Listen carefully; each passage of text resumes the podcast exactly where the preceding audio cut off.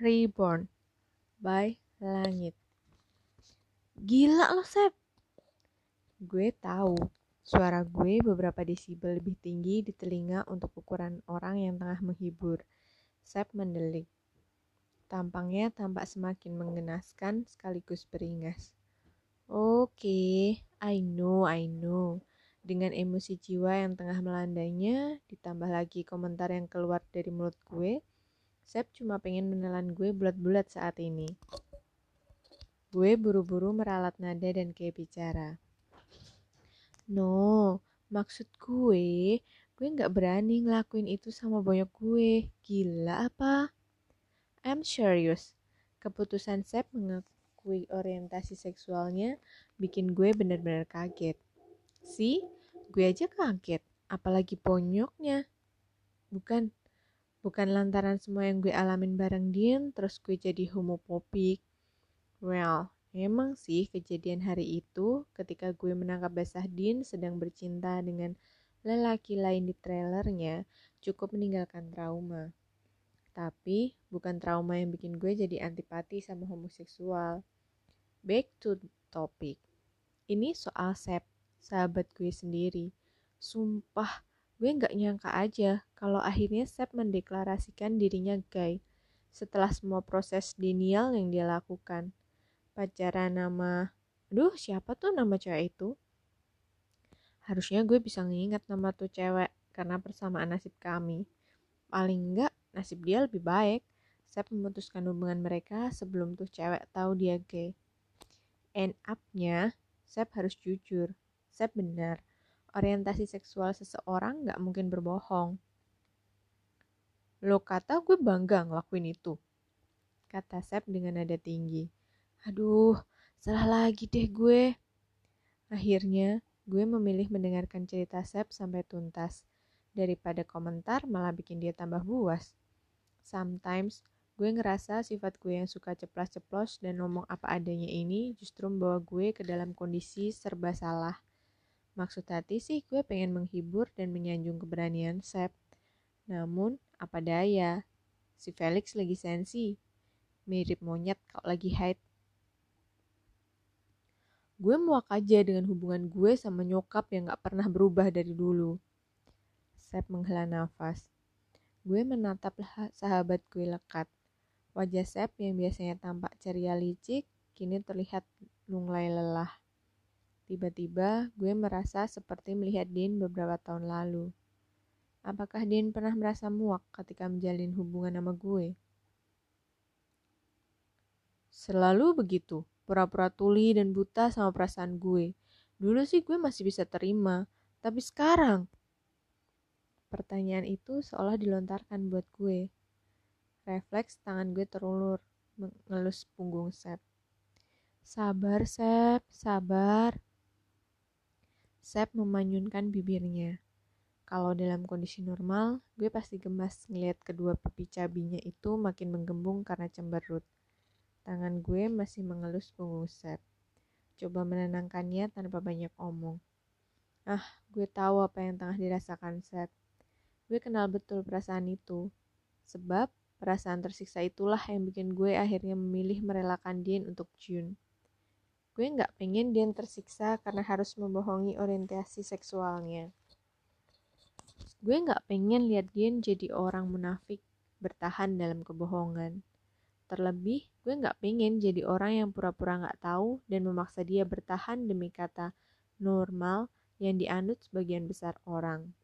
Seperti kata Sep gue nggak pengen jadi orang kayak nyokap Sep yang pura-pura tuli dan buta dan keadaan anaknya Gue memilih gak buta dan gak tuli. Gue memilih agar Jin jujur, dan konsekuensinya, I had to let him go. Wajah tampan Din yang biasanya bikin perasaan gue leleh, kali ini tampak menyedihkan. Ia tertunduk, rambutnya jatuh menutupi dahi, penampilannya berantakan. Mendadak, gue kayak nggak ngenalin Jin. Aroma tubuhnya yang biasanya gue suka banget tiba-tiba terasa aneh di hidung gue. Tapi yang gue tahu gak ada perasaan jijik atau marah. Gue seperti mati rasa. Gue malah menatap wajah yang tertunduk itu lama-lama, berusaha merekam setiap, setiap ekspresi dan gerak yang dilakukannya. Lalu perlahan mengulurkan tangan untuk mengelus punggungnya. I'm sorry, Lang. Dia menggeleng-gelengkan kepala. Gue hanya diam. Aku gak bermaksud membohongi kamu. Enggak, Lang. Din mengangkat wajahnya, tetapi nggak melihat ke arah gue yang duduk di sampingnya. Sejak kapan, Din? Gue nggak bisa menahan diri untuk bertanya. Semuanya harus tuntas kalau memang harus selesai. Do you know what? Dahi gue mengerit. Gerakan tangan gue pun berhenti. Din menghela nafas. I took, I fell in love with you. But yes I do. I do love you Lang. And then everything is not as seem. Perasaan lain itu muncul ketika aku mulai kenal Jun. Rasa yang lebih kuat, perasaan yang memang seharusnya begitu. Tak memedulikan kalau dia laki-laki. Perasaan yang lebih besar dari apa yang pernah aku rasakan sama kamu, Lang. Perasaan yang membuat aku merasa bebas. Gue diam coba mencerna apa yang sedang dirasakan Dean. Do you hate me, Lang? What do you think? I can't forget myself on that, but I can understand if you hate me. I have to go, Jean. Aku berdiri, beranjak dari bangku taman di tepian, di tepian sungai Okunalufte yang mulai membeku. Salju tipis menghiasi sekeliling taman. Pepohonan tampak mati meranggas, coklat kehitaman. Begitu kontras dengan putihnya salju. Bebek-bebek yang biasanya bermain air di bawah jembatan tak lagi kelihatan. Mungkin mereka bermigrasi ke tempat yang hangat. Gue merapatkan long jacket yang membalut tubuh kurus gue. Berusaha menghangatkan tubuh yang terasa semakin dingin. Mungkin gue harus meniru para unggas, bermigrasi ke tempat yang hangat. Gue baru saja akan melakukan apa yang terlintas di otak gue ketika suara Dean terdengar. Please, don't go. Dean menarik tangan gue yang terbungkus sarung tangan hitam, menggenggamnya, membawanya masuk ke dalam dada bidangnya, kemudian menyentuhkan bibirnya ke punggung tangan gue. Apa sih yang kamu inginkan, Dean? Gue berusaha menatap dalam ke dalam menatap dalam ke matanya. Hold me, I feel alone. Dean berdiri, menarik gue ke dalam pelukannya. Ah, tubuh ini masih hangat. Dada itu masih terasa nyaman sebagai tempat bersandar. Gue balas memeluk Dean, erat, sangat erat. Lebih erat dari per, dari yang pernah gue lakukan sebelumnya. Gue tahu, memintanya bertahan di sisi gue hanya akan membuat dia semakin tersiksa. Apa yang bisa gue lakukan? I won't go. You know where you can find me. You know it so well. I know it. Suaranya terdengar di telinga. Din mengecup daun telinga gue, lalu kening gue, kedua pipi gue, mata gue, hidung gue, dan saat bibirnya mentuh bibir gue, bayangan adegan di balik pintu kamar Din yang terbuka muncul di benak gue.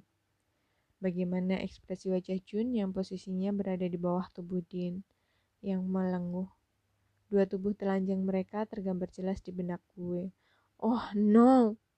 Gue tersentak dan buru-buru menarik diri. Din menatap gue penuh tanya. Why? You can't do that. Do you hate me? Gue menggeleng. I just have to go. Gue menggigit bawah, bibir bawah gue lalu berbalik menuju ke tepi jalan raya. Do I hurt you so much? Suara Din menghentikan langkah kelima gue. Kepulan asap putih keluar dari bibir gue ketika menghembuskan nafas. Yes, you do. Perhaps I'm not fine right now, but for sure I will, Jean. Believe me. I know that. I'm sorry. You know langit.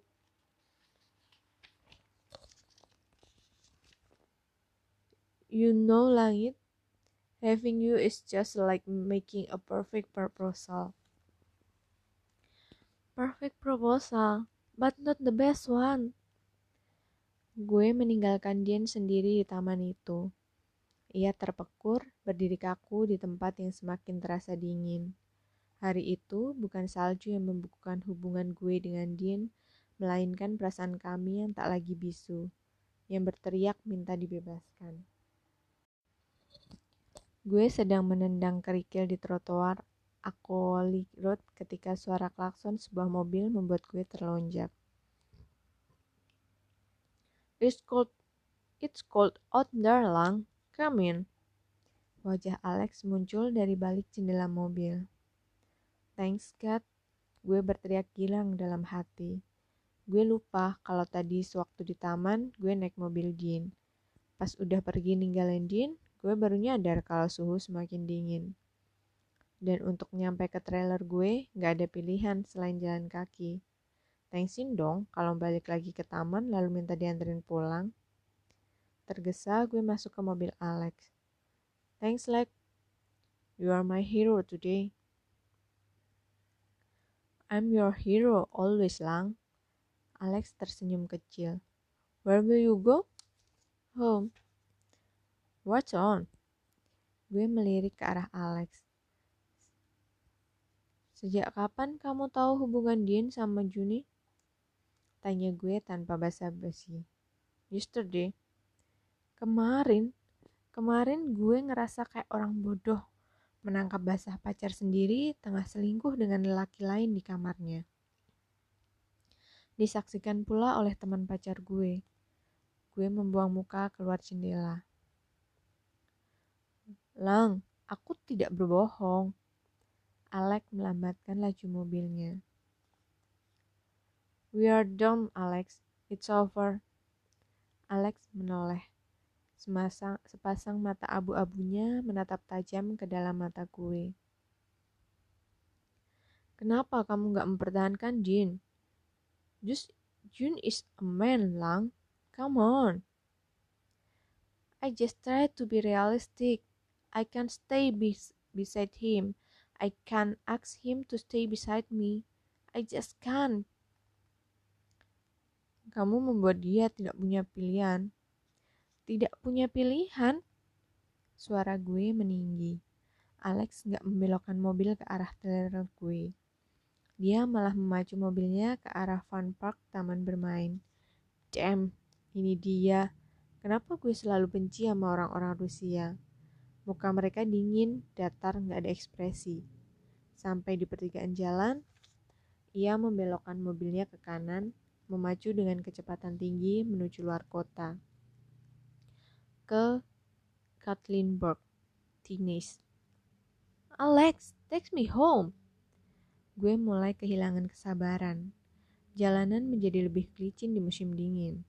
Belum lagi kalau ada black snow yang bisa menyebabkan mobil tergelincir di jalanan beraspal. No, we have to talk. Alex menjawab dengan datar.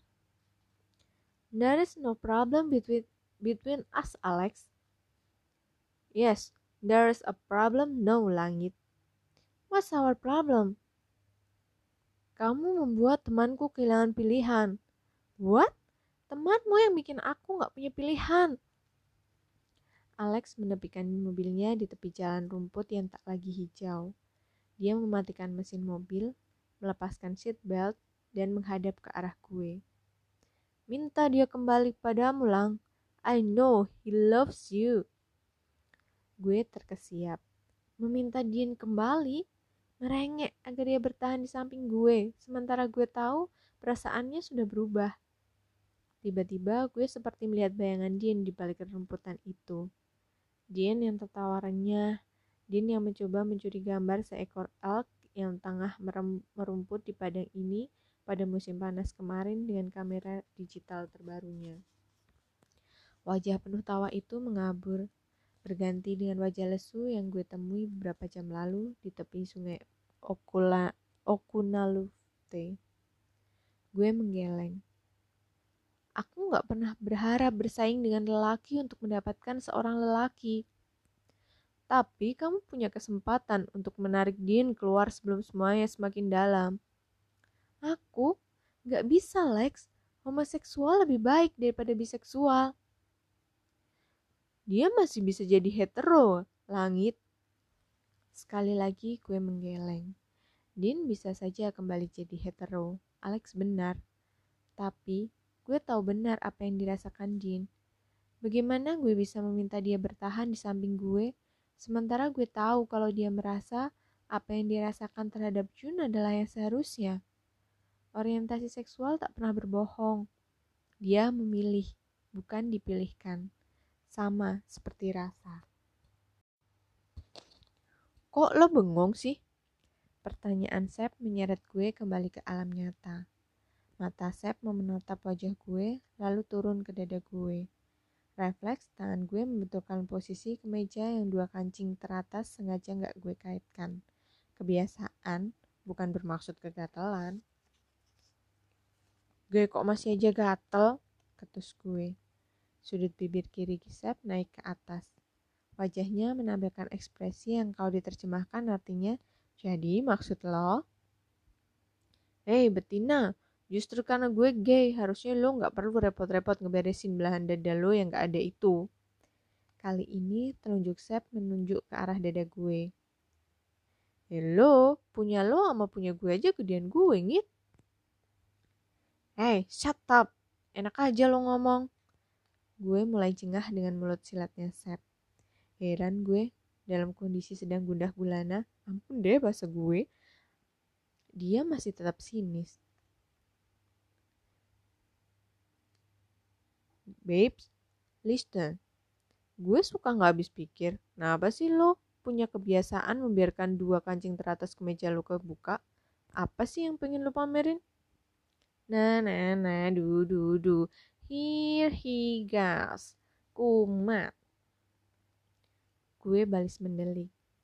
Iya, kalau gue menyipit, menyipitkan mata kayak biasanya, udah gak mempan lagi di set. Felix bengkak ini malah bakal tambah nyinyir dan menyuruh gue ikut kelas acting agar tahu gimana bertingkah jadi perempuan galak kayak di sinetron. Gimana pun lo tetap aja cowok, Sep. Oh, honey bunny, sugar, candy, sweetie, tweety, listen. Kalaupun gue cowok yang tertarik sama cewek, gue gak bakalan horny liat lo. Gue juga gak bakalan bangga kalau bisa bikin lo horny serang gue. Lo gak punya semua aset yang harusnya dimiliki cewek untuk bikin cowok horny. Hah?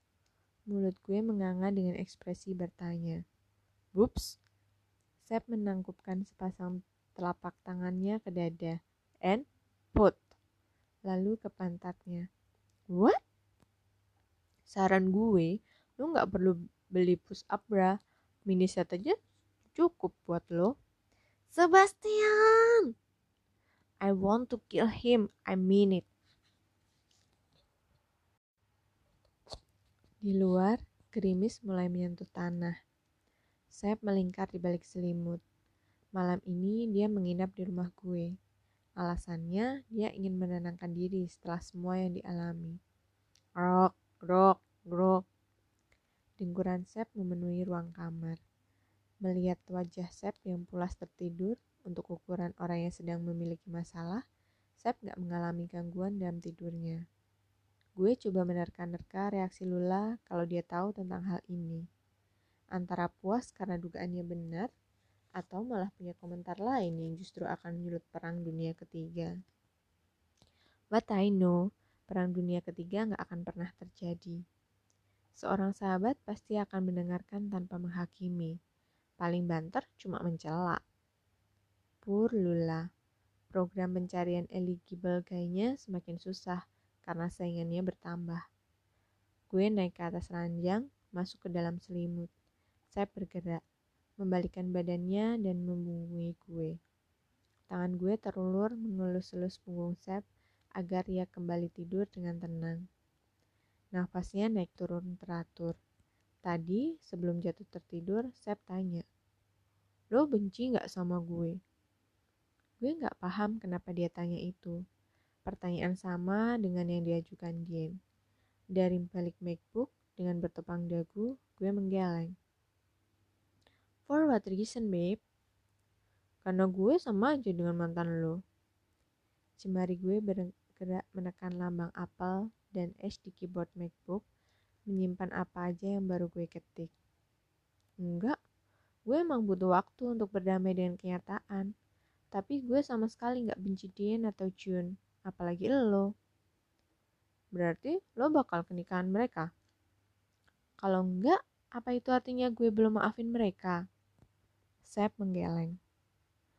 Cuma lo yang bisa jawab, katanya sambil memanyunkan bibir. Kenapa tiba-tiba nanya beginian? Gue sedang berpikir, apa gue ikut lo ke sana? Siapa tahu bisa ngegebet Jin atau Junnya gitu. Jawab Sep acuh tak acuh. Sialan lo. Gue tertawa. Lula bisa muntaber dan nangis darah. Sep hanya menggidikan bahu. Kayaknya dia sedang gak mood buat bercanda. Sep bahkan gak berkomentar tentang terhadap celotehan gue.